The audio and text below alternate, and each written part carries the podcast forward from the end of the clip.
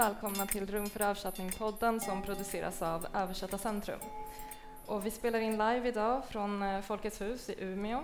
Eh, vi är hitbjudna av Sveriges facköversättarförening eh, som har sin årliga konferens här i stan.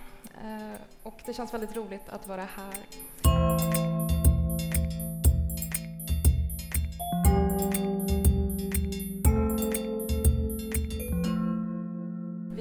Medverkar alltså med en egen programpunkt som ska handla om barn och ungdomslitteratur i översättning.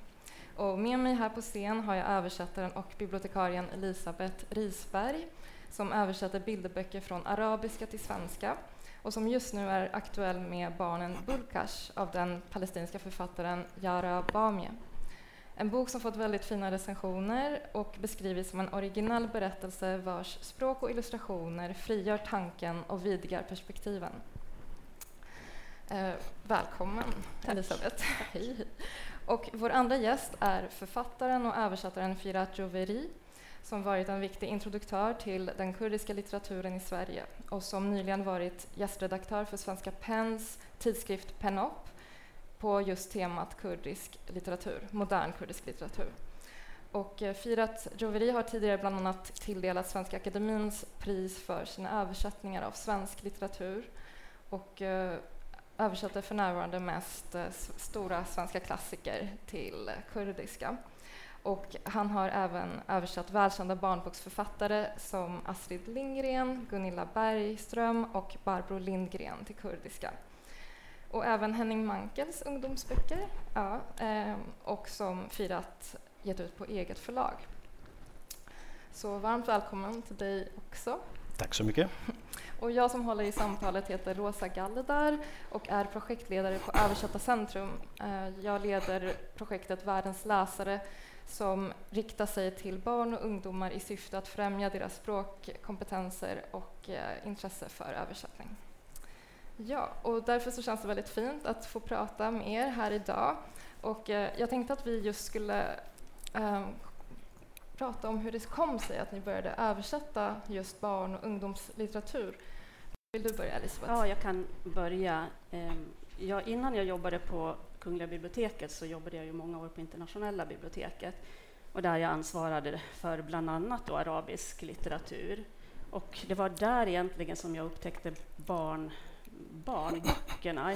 När jag började på IB så var det mesta var översättningar från andra språk till arabiska. Men vid ett besök i, på Bokmässan i Kairo så upptäckte jag att det fanns faktiskt en gedigen barnlitteratur på, med, alltså i, på arabiskt original. Så det gjorde mig också mer intresserad av själva barnlitteraturen. Och sen så hade jag läst arabiska tidigare. Och sen fick jag helt enkelt en fråga för, för det är ungefär tio år sedan eh, från ett förlag som frågade om jag ville översätta en, en bilderbok. Eh, och först tänkte jag att nej, det kan, kan väl inte jag göra, men så gjorde jag det.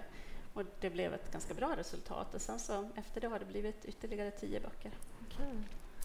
Ja, det låter ju jättespännande. Och jag tänker också att få en sån förfrågan, att du, du fick den kontakten som var intresserad av arabisk ja, barnlitteratur. Ja, precis. Ja, det låter mm. jättebra. Och du, Firat? Jag, eh, tyvärr när jag var barn så jag hade aldrig sett någon barnbok. På grund av förbudet mot kurdiska språket så fanns inga barnböcker.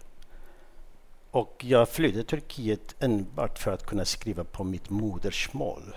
Och så hamnade jag i ett land där svenska alltså barn och ungdomsböcker, jag hamnade bland barn och ungdomsböcker så att säga. Och då tänkte jag på min egen barndom. Det som jag inte fick så försökte jag ge till våra barn. Och det var mer eller mindre så här så det stod upp att jag ville översätta barnböcker. Uh, och i Sverige var det ju som sagt det var inget förbjudet att översätta barnböcker eller läsa barnböcker. Uh, tanken stod upp så. Ja. Um, så det var alltså här i Sverige som det intresset väcktes? Ja. För det, det fanns inga alls? Det fanns inga, det var förbjudet. Mm. Uh, För du är från den turkiska delen? jag är från turkiska delen, precis. Eh, det är så man ska, lite politiskt så är det sen turkiska republikens bildande på 20-talet, 1923, fram till 1980, det var bara tre kurdiska böcker som har kommit ut. Och det var också illegalt, så att säga. Men eh, mitt mål var ju enbart för att kunna skriva på kurdiska så flydde jag till Sverige.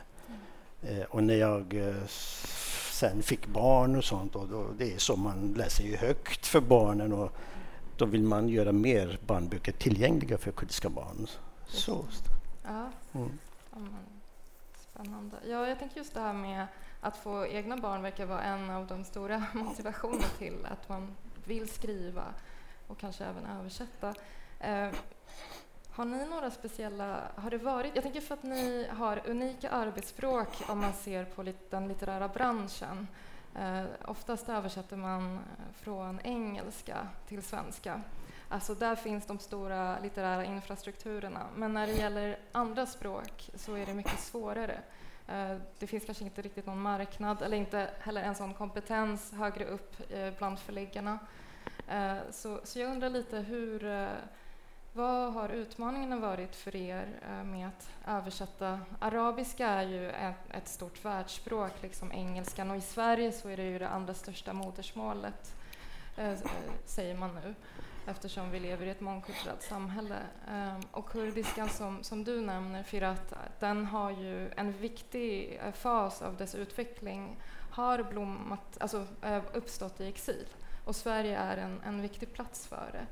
Eh, så jag undrar lite hur, för det här är inte någonting som man kanske ser utifrån utan det är lite nålsögat som ni eh, formar här när ni jobbar med de här böckerna. Eh, vad finns det för incitament utifrån relationen mellan svenskan och era språk? Ja, det finns flera olika. Dels så tänker jag på svårigheten att få svenska förlag överhuvudtaget intresserade av arabisk barnlitteratur. Och det gäller inte bara från arabiska, utan det är från väldigt många, framförallt utomeuropeiska språk, eh, och förutom då engelska. Eh, det, det är oerhört svårt. Ehm, och det tror jag finns många olika ehm, många olika orsaker. En anledning kan vara just det här att vi har en stark svensk barnlitteraturtradition. Eh, vi har vår Astrid Lindgren, vi har Barbro Lindgren, vi har, alltså vi har de här fantastiska författarna som har blivit översatta till hur många språk som helst. Och vi, med rätta så är vi stolta över den här barnbokstraditionen. Och då kan det nästan bli som att det inte finns någonting som är lika bra. Eh, så det, det jag tror att det finns, kanske inte uttalat, men det finns någonting där eh, som ointresset beror på. Mm. Så det är, ju, det är ju en sak. Och sen då, de språkliga utmaningarna är ju, det är någonting helt annat, men det är lika stort problem. Ja. Eller stor utmaning. Och för dig, Firat? Ja, för mig det är det är ingen förlag som kontaktar mig och mm. vill att jag ska översätta svenska barn och ungdomsböcker och att jag får ersättning eller arvode för det. Utan det är mer eller mindre ideellt har, jag, har varit för mig faktiskt. Mm. alla de här böckerna som du nämnde, över 20 titlar från svenska till kurdiska har jag översatt. I början var det ju barn och ungdomsböcker och på sistone så hade, har jag börjat översätta moderna klassiker från svenska till kurdiska. Eh, men eh, som sagt, det fanns ju inga böcker på kurdiska och det här var ju ett bör, början liksom att, att göra de barn och ungdomsböckerna tillgängliga för kurdiska barn.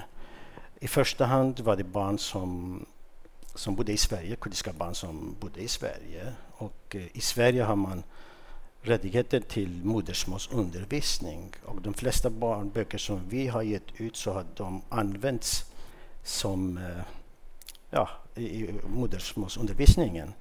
Och även när jag någon gång i tiden var modersmålslärare så har jag använt de här böckerna. Eh, och än idag används de eh, som sagt till, uh, i skolor och sånt.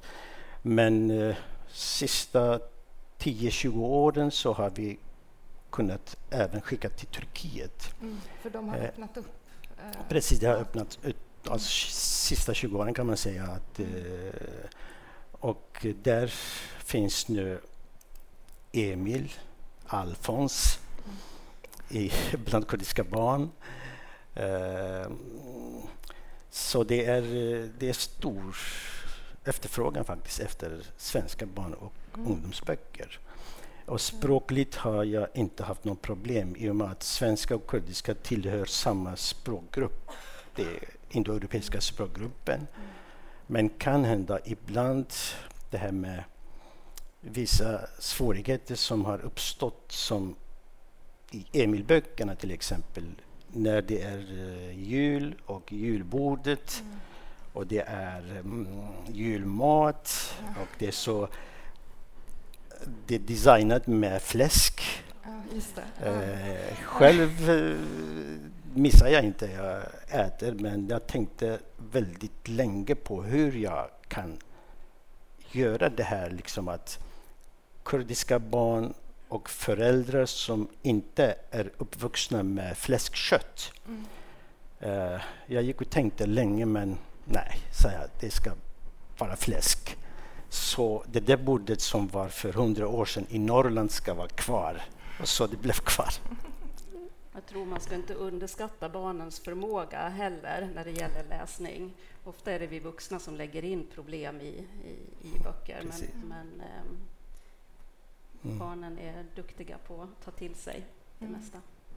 Jag tänker att det är en, en genre där målgruppen redan finns inskriven i definitionen av litteraturen, barn och ungdomslitteratur, men att det är en litteratur som, som är just gränsöverskridande så många genrer och där, som överraskar och um, också är en mötesplats mellan vuxna och barn, just att man läser för varandra och, och det blir väldigt relationsbyggande. Och som du sa tidigare, för att det är ju där grunden för språket läggs många gånger. Uh, det är ju där vi börjar vår läsning uh, och det är någonting som följer med oss livet ut. Alltså, när man ser tillbaka så kanske det känns väldigt så nostalgiskt men det är också en väldigt laddad plats där man bygger upp uh, liksom, en, ett fundament, eh, både språkligt och erfarenhetsmässigt.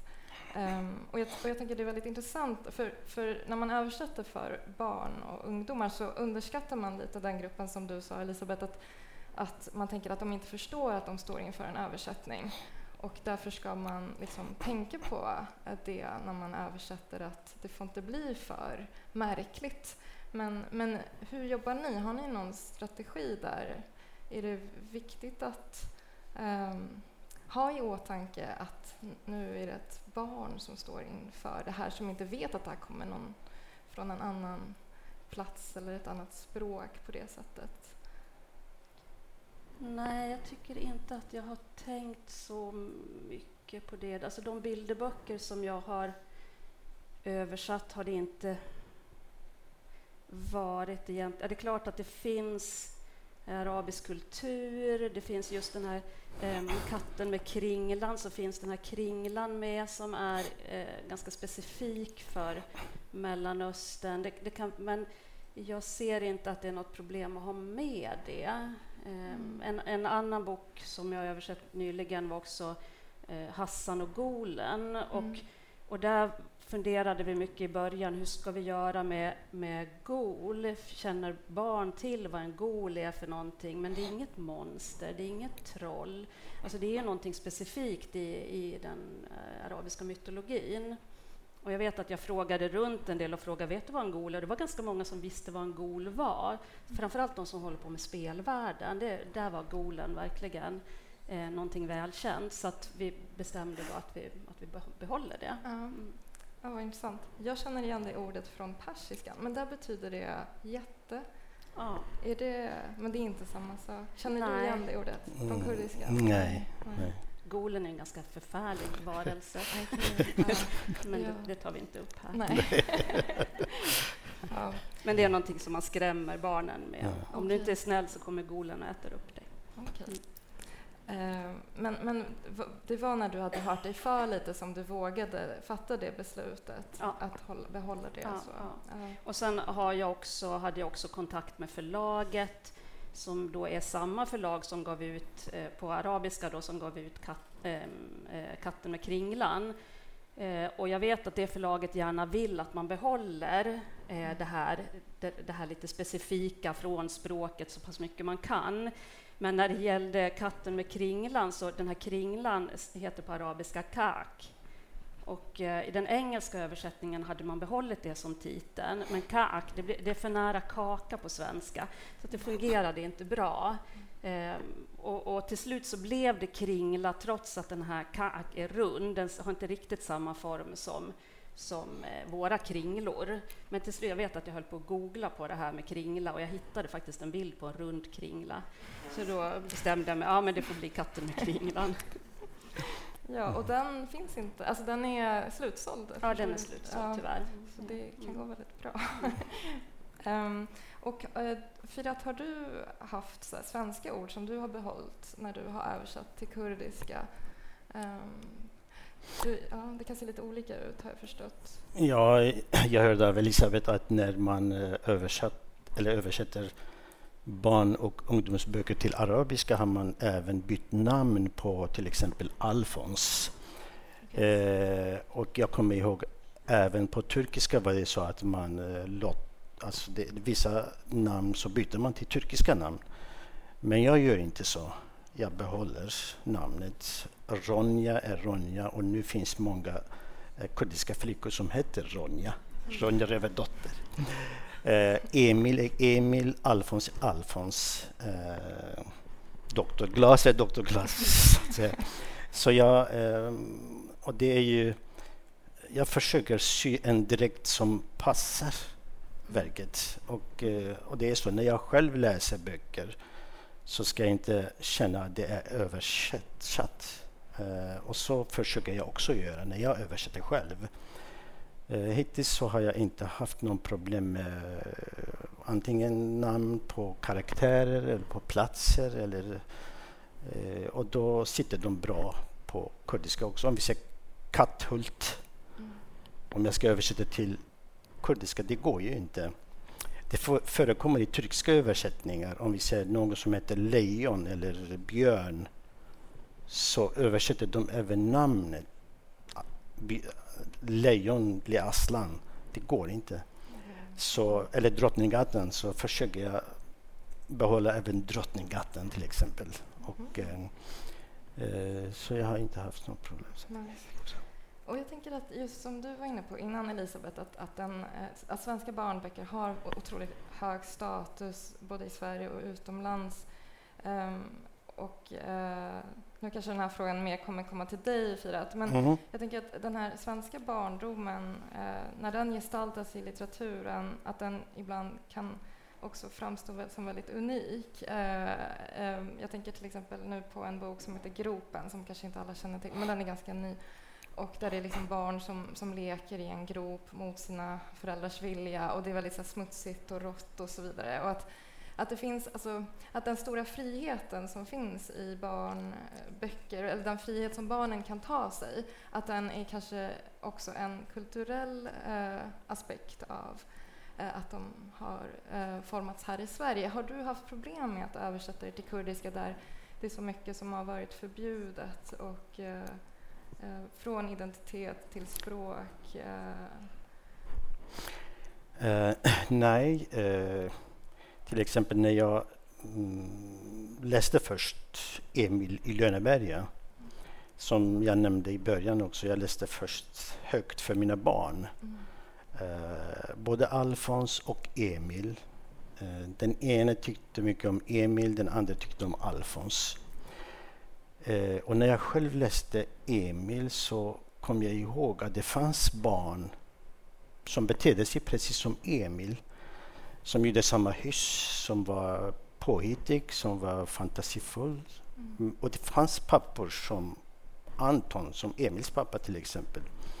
Eh, så jag har uh, inte haft någon... Nej. Så det, det har... Uh, och det är som med, med, med litteraturen, litteratur är gränsöverskridande. Alltså, när de här böckerna kom till Turkiet, eh, jag menar Alfons och Alfons pappa. Det är inte så vanligt kanske i kurdisk kultur. Mm. Men det har blivit i nya generationen. Så jag har blivit faktiskt uppringd från Turkiet att unga föräldrar som läser hög Alfons för sina barn till exempel. Och det glädjer mig väldigt mycket. Mm. Och jag har hört att ja, vår grannpojke är precis som Emil. Och det är ju så. Uh, Emil och Alfons karaktärer så finns nästan överallt i världen. Lite av Alfons pappa också finns och som Emils pappa Anton också finns överallt i världen. Så det är ju så med litteraturen. Litteratur är gränsöverskridande och eh, det här med kulturell, även om det är lång avstånd om vi säger mellan kultur, kulturen och även Emil, i år är det 60 år sedan den kom ut. Han är 60-åring Emil, några, några år yngre än mig. Men den utspelar sig för 100 år sedan och det är fortfarande aktuellt. Det kan vara aktuellt i Afghanistan, det kan vara aktuellt i Tyskland, det kan vara aktuellt i Iran, i Turkiet, överallt i världen. Mm. Uh, är en bok, en litteratur, en dikt, en roman, en berättelse bra på hemmaplan så är den bra för hela världen. Ja, ja. Och du, Elisabeth, när du har... För jag tänker att eh, när du är ute och upptäcker vad som finns inom den arabiska eh, litteraturen hur gör du för att hitta fram, eftersom jag antar att det är en enorm produktion eh, just med samband, alltså i, samband med att det är ett världsspråk? Ja, tidigare när jag jobbade på internationella biblioteket så åkte jag ju på bokmässor. Mm. Eh, oftast åkte jag till Beirut varje år till den internationella bokmässan, men även Kairo och eh, Sharjah, Förenade Arabemiraten. Och då kunde jag plocka upp och se vad det är som har kommit under det senaste året och sen nya författarskap och nya illustratörer och nya förlag. Nu när jag inte jobbar där längre så är det mycket, mycket svårare för mig att hålla det, hålla det aktuellt. Utan, eh, den litteratur som jag egentligen mest har följt under de senaste åren är den palestinska barnlitteraturen eftersom jag har varit där eh, ja, ganska ofta de senaste åren. Och, men det är också roligt att se att det det är i Palestina man vågar experimentera mycket mer, både med text och med eh, illustrationer. Så det som händer där är jättespännande att, att se. Um, men, men, när du översätter, är du i nära dialog med författaren eller, eller, när du åker till Palestina till exempel? Ja, hittills, de böcker jag har översatt, så har jag haft en väldigt nära dialog med, med både författare och illustratör. Det. Och det är viktigt också att ha dialog med båda, för att eh, i och med att arabiskan läses från höger till vänster, när, så det är inte bara texten, utan man måste också tänka på illustrationerna. Att illustrationerna också har en riktning från höger till vänster. Så att bara att översätta texten och börja från vänster till höger men låta illustrationerna vara som originalet, det fungerar inte. För då går texten åt ett håll och riktningen i, i illustrationerna går åt andra hållet. Så ofta behöver man spegelvända. Eh, inte alltid, och det är inte alltid heller det fungerar att spegelvända. Ett, ett exempel på när det inte fungerar det är ju en, en kartbild till exempel. En sån bild kan man inte eh, spegelvända. Men just den här boken Katten med kringlan är ett mm. ganska typiskt exempel där en katt då får den här kringlan om halsen och springer iväg från den här brödförsäljaren Ali. Och katten springer genom hela boken, så där, där blev man ju tvungen att, att i princip eh, spegelvända allting. Och jag är väldigt fascinerad av eh, skriftspråk eh, och jag tänker att det är det som också eh, förenar oss här eh, som översättare eh, men det finns kanske också tolka här såklart. Um, och uh, jag tänker just när det är så olika alfabet um, och uh, ibland inom samma språk som inom kurdiskan. nu bollar jag över en svår mm. boll här. Uh, där i tur turkiska Kurdistan finns det latinska alfabetet medan i Kurdistan som ligger inom Iraks landsgräns, där är det arabisk skrift. Um, men man talar fortfarande om kurdiska, alltså att det är ett språk men olika. Och det finns till och med ytterligare ett skriftspråk. Um, är det någonting som du uh, påverkas av i ditt arbete? Eller hur blir det? Tvingas man översätta inom uh, kurdiskan också för att föra över böcker till alla delar av ja, mm. eh, landet? Ja, som eh, kurdiskan har ju tre huvuddialekter. Eh, och det kallas för Sorani, Gurmanji och Zazaki. Eh, och det användes tre alfabetskriftspråk också. Eh, under Sovjettiden användes kyrilliska alfabetet. Det fanns kurder i Sovjet också, eh, i Armeniska republiken mest. Där använde man kyrilliska alfabetet. Eh, och i Iran och Irak använde man arabiska alfabetet. I Turkiet, turkarna övergick från arabiska alfabetet till latinska alfabetet på 1928. Eh, och kurder på 30-talet också, alltså kurder från Turkiet och Syrien. Så vi använder idag, efter Sovjets fall så kyrilliska alfabetet är borta. Så nu har vi två alfabet, två skrivsätt kvar. Och jag hoppas, vill också att även irakiska kurder och iranska kurder också övergår till latinska alfabetet. Då skulle vi förstå mer varandra. Om vi ser om det står en, en bok på kurdiska, på arabiska alfabetet i, i min hemstad, i, i Mardin till exempel, och det står på bordet så skulle de tro att det är Koranen. För att det är bara Koranen som är på arabiska alfabetet. Så för eh, på sistone så har det blivit så att vi, jag själv översätter till Gormanji som är huvuddialekten som talas ja, cirka av 20 miljoner kurder. Eh, kurder i forna Sovjet talade också Kurmanji men all, använde all, uh, kyrilliska. Kurder i Syrien, det är Kurmanji. En del i Iran och Irak, det är Kurmanji. Och i Turkiet, det är majoriteten talar Kurmanji. Och jag skriver och översätter till Kurmanji-dialekten. Men eh, på sistone eh, även om man transkriberar, om vi ser från arabiska till kurmanji, till kurdiskan, eh, även då är det svårt att förstå dialekten. Det har blivit som ska jag säga, norska och svenska, ibland kanske danska och svenska. Så långt ifrån varandra och det är ett och samma språk. Så nu översätts litteratur från Sorani, från till Kurmanji och från Kurmanji till Sorani. Tyvärr eh, så det är lite svårt. Eh, eh, jag kan själv, behärskar inte själv. Ja, talspråket kan jag. Jag pratar ju med kurder över hela världen. Men att skriva på Sorani och arabiska alfabetet är svårt för mig. Och för dem är det också svårt att använder latinska alfabetet men jag hoppas att de också övergår till latinska så att vi använder ännu samma alfabet men att dialekter kommer finnas kvar. Mm. Ja. ja. Tänker Elisabeth, du jobbar ju på Kungliga biblioteket och då jobbar du med att bevaka och bevara litteratur och ditt område är just eh, litteratur på andra språk. Har jag förstått det rätt? Alltså, ja, det stämmer. Mm. Eh, har du sett det här fenomenet att kurdisk litteratur kommer in i, i olika liksom, skriftspråk? Absolut, absolut. Ja. ja.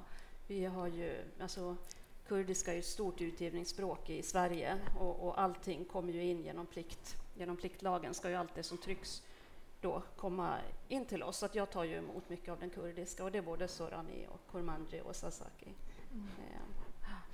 Och det händer att jag är lektor hos bibliotekstjänst för kurdiska böcker. Då. Det händer att de skickar Sorani-böcker med arabiska alfabetet till mig, det är kurdiska. Ah, mm. Skrivet tyvärr kan jag inte. Jag förstår att det är mycket, mycket.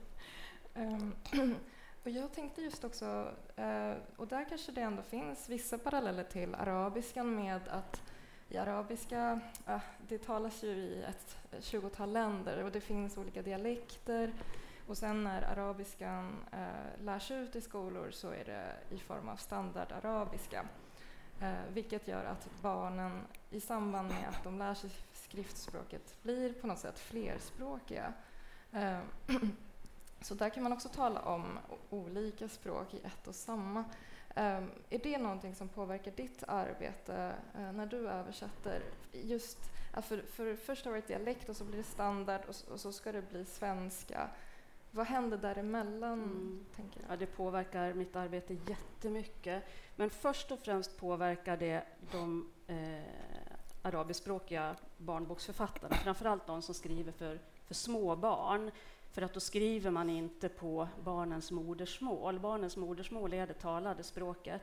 Så att här måste barn, framförallt då barnboksförfattarna jobba väldigt mycket med att tänka efter väldigt mycket vilka språk man, eh, vilka ord man använder, eh, också hur det låter. Alltså man jobbar väldigt mycket med rim, rytm för att språket ska låta, eh, ja, låta bra helt enkelt. Eh, så det, det är det första. Eh, men man skriver ändå på den här standardarabiskan som är ganska formell. Och det blir sen då ett problem för mig, för jag ska inte bara översätta arabiska till svenska, utan jag ska översätta ett, for, ett väldigt formellt språk till ett levande språk. Eh, och det är, är, den största utmaningen jag står efter. Jag brukar, jag brukar tänka, i, jag brukar ge exempel Eh, det finns en, en, artikel som heter Ja, alltså en sån utropande artikel um, som används mycket i dialoger som vi skulle översätta med Å. Det är liksom Å min mor, Å min far, Å mitt barn. Och, och det här, ofta måste jag göra om dialogerna till löpande text för att det ska, det ska bli bra, för dialogerna fungerar inte alltid. Så det här är, ibland brukar jag säga att det är som att jag kör alla orden i en tvättmaskin och sen kommer ut och sen hänger jag upp det på tork och sen så blir det bra till slut. Men det är ju väldigt mycket högläsning eh, som jag jobbar med. Jag läser högt och läser högt och läser högt. Jobbar du också så, Firat, mycket med högläsning när det gäller barn och ungdomslitteratur? Ja, högläsningen var ju att jag läste högt för mina barn. Mm. Men annars så eh, kanske vissa för att jag är själv författare också. Eh, ibland går jag i skogen och eh, pratar faktiskt högt med mina romankaraktärer. För att, eh, och så hände att just när jag översatte Emil, när pappan blir arg på honom och säger Emil din förbaskade unge. Då tänkte jag, ja det här har man hört på kurdiska också men att hur hur ska jag göra så att det blir så, så kurdisk som möjligt? Eh, så det, annars är det inte så problem för mig. Som sagt, det är ju kurdiska och svenska tillhör samma språkgrupp. Men jag har översatt till turkiska, då är det lite annorlunda. Jag har gjort en antologi över svensk litteratur både på kurdiska och turkiska. Så det var faktiskt, eh, jag översatte Eh, att döda ett barn av Stig Dagerman. Det var första novellen som jag läste på svenska.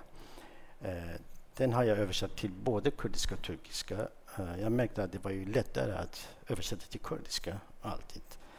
Eh, språkmässigt är det långt ifrån varandra, så tillhör inte samma språkgrupp, till exempel svenska och turkiska medan kurdiska och svenska tillhör samma språkgrupp. Så det är inte något stort problem för mig att översätta. Har ni någonsin varit tvungna att ge upp i era, era översättningar? Att ni har känt nej, det här går inte? Nej. Alltså det, det, det, svåraste jag varit med om det var en, en antologi med dikter som barn hade skrivit i ett projekt eh, där jag inte riktigt visste vad jag sa ja till, helt enkelt, när jag fick frågan om jag kunde översätta. Men det var, då hade barnen skrivit dikter under olika teman, eh, biblioteket eller museet eller fotboll. Och, eh, och vissa av, av de dikterna var nästan så att jag ville ge upp, för jag fattade absolut ingenting. Och det var inte så konstigt, för det fanns inte alltid någon röd tråd i de här dikterna. Och, eh, jag vet bland, framför allt det, den svåraste dikten jag höll på med, som jag fick gråa hår av, det var, det var en med, det handlade om en fotboll och, och det var precis den här stunden innan, innan eh, eh, en straffspark ska slås och det här barnet beskriver tystnaden. Och mitt i, allt, i den här dikten så var det en mening som var att rådjurskidet ligger oroligt i sin mammas famn. Och det kom mitt i den här fotbollstexten. Och det, och det fanns liksom ingen möjlighet för mig att, att för, framförallt rådjurskid, det kände jag inte igen heller. Men, men där hade jag ju då kontakt med, med ja, den som hade jobbat med det här projektet som, som kunde berätta för mig om vad det var för någonting. Men där, där var det många gånger under, under, eh, som jag ville ge upp med de här dikterna. Men eh, det blev väldigt bra till slut. Och den finns utgiven här i Sverige? Ja, Allt omkring oss är choklad heter, heter en, en tvåspråkig svensk-arabisk eh, utgåva. Mm, Elisabeth, jag tänkte bara återkoppla till det du sa om Palestina, att litteraturen där är mycket mer vågad. Vad tror du att det beror på? Är det det politiska läget eller? Alltså det är jättesvårt att, att säga. Um, man kanske inte har samma behov där av att sprida sin, sin litteratur över hela arabvärlden. Många förlag i både Libanon, Egypten, Förenade Arabemiraten, man, man, ju, man, vill ju kunna sälja sina böcker så mycket som möjligt. I Palestina har man en situation där det är svårt att både importera och exportera sin, sin litteratur. Eh, så det gör att man inte kanske har det behovet utan kan eh, vågar experimentera mer, för man är inte piskad att sälja så mycket som möjligt. Eh, böckerna sprids på Västbanken. Det, är ett väldigt bibliotekstätt område. Så att böckerna får sin spridning ändå, men bara inom, inom eh, de gränserna. Då. Jag vet inte, men det, det kan vara... Mm. Sen tror jag också man har vuxit upp med svensk barnlitteratur. Eh, det spreds 300 000 svenska barnböcker till palestinska bibliotek för kan vara 20-25 år sedan. Så att barnen i Palestina har vuxit upp med Alfons Åberg, Pippi Långstrump, eh, barnen i Bullerbyn och det är ett ganska eh, kanske ett, ett, mer ett mer komplicerat språk än vad man ger ut barnböcker på i till exempel Libanon. Så att läs och, och läskunnigheten är väldigt hög. Eh, och jag vet inte om, om det kan bero på det. Mm. Eh, sen också jobbar man väldigt aktivt med skriva workshops och eh, i, i, olika former. Så att, eh, men, men det finns en experimentlusta, det finns det mm. absolut. Mm. fint. Mm. Och hur, hur har det sett ut i Sverige, tycker du, med mottagandet av eh, den översatta litteraturen som, som du har jobbat med, eller kollegor som jobbar från de här eh, språken? Ja, alltså de, det som... Ja, idag, det finns väl i princip två stycken förlag som ger ut världslitteratur, så att säga, för barn. Eh, så det, det, finns ju, det är en droppe i havet. Vilka är det? Trasten som tillhör Tranan? Ja, Trasten och sen Hjulet. Ett lite dansk-svenskt förlag. Då. Mm -hmm. ja. Men det skulle ju vara väldigt roligt om fler Mm. Ja, om man tänker ju, alltså, från svenska har det översatts kanske ett par hundra barnböcker och från arabiska till svenska högst 15, skulle jag tro. Så det finns ju en, en mm. väldigt stor skillnad där. Upplever du att det finns många översättare men att det saknas eh, förläggare som vill ge ut? Eller? Ja, jag upplever att det saknas intresse helt enkelt. Mm. Eller kanske inte intresse, men man, man, känner inte till vad som finns och är kanske inte tillräckligt nyfiken på... Mm. Mm. Um, och så, är det någonting som ni tänker på framöver som ni skulle vilja eh, liksom jobba med? Eh, kanske, alltså no, ert nästa utmaning liksom, i, i genren? Vet ni i förväg hur det ser ut eller är det liksom en upptäcktsfärd hela tiden? Har ni tydliga mål? Ja, nu är det som sagt det är moderna klassiker som jag är inne i. Det är Edith Södergran som jag har översatt Landet så mycket är som jag håller på att översätta lite mer av henne, Edith Södergran, Gunnar Ekelöf och då är det Karin Boye som blir arg på mig. När du översätter Edith Södergran och, inte, och eh, Gunnar Ekelöf inte med, men nu uh, håller jag på att översätta uh, Karin Boyes moln. Snart är jag klar med, det också. Men jag tror jag återvänder sen till barn och ungdomsböcker också. När jag får barnbarn, då ska jag försöka, försöka jag. De skaffar inte barn. Och du Elisabeth, har du? Nej, alltså jag, jag tror att eh, vad jag känner att jag skulle behöva göra är ju att göra fler alltså på eget initiativ göra översättningar, provöversättningar och skicka ut till förlagen. Det är ju någonting som jag skulle kunna göra. Men jag skulle också vilja ha ett samarbete även med, med andra eh, som kan kanske titta mer på den arabiska ungdomsboken eller Ja, det finns mycket, mycket att göra, men man kan känna sig ganska ensam när man sitter och petar med bilderboks, bilderbokstexter. Så att, eh, jag skulle gärna jobba med fler. Mm. Hur lång tid tar det ungefär att översätta en, en bok, en barnbok? Alltså själva, själva, själva översättningen tar inte så lång tid. Alltså, om man säger mm. det första utkastet, det kan, det kan gå snabbt, det kan gå på ett par dagar, men sen börjar ju jobbet. Mm. Och det känner ju ni till säkert allihopa som sitter här. Ehm, att, att få det till att bli en, en bra text och få det när det gäller barnbilderböcker, eh, det här med att högläsningen ska fungera. Det ska finnas en bra rytm, man ska inte behöva staka sig någonstans. Det ska fungera i bläddringen. Ehm, det, eh, så att det kan ta flera månader innan jag är nöjd. Ja, och hur, hur, länge lever en bok? Är det eh, som vuxenböcker att de liksom försvinner snabbt från marknaden? Eller är barnböcker mer har en längre livslängd? Mycket längre livstid skulle jag tro. Alltså att det, det är ändå någonting som... Alltså många barn tycker om att läsa om samma bok och sen är det syskon och... Um, så att, så att barnbilderböckerna tror jag har ett mycket längre eh, livstid än, än, än deckare till exempel. Men, men stort tack Firat eh, Joveri och Elisabeth Risberg för att ni medverkade. Det var jätte, jätteintressant. Stort tack. Tack. tack. Och eh, tack också till eh, Sveriges facköversättarförening som bjöd in oss och ett särskilt tack till Malin Färdig som ja, är hjärnan bakom det här.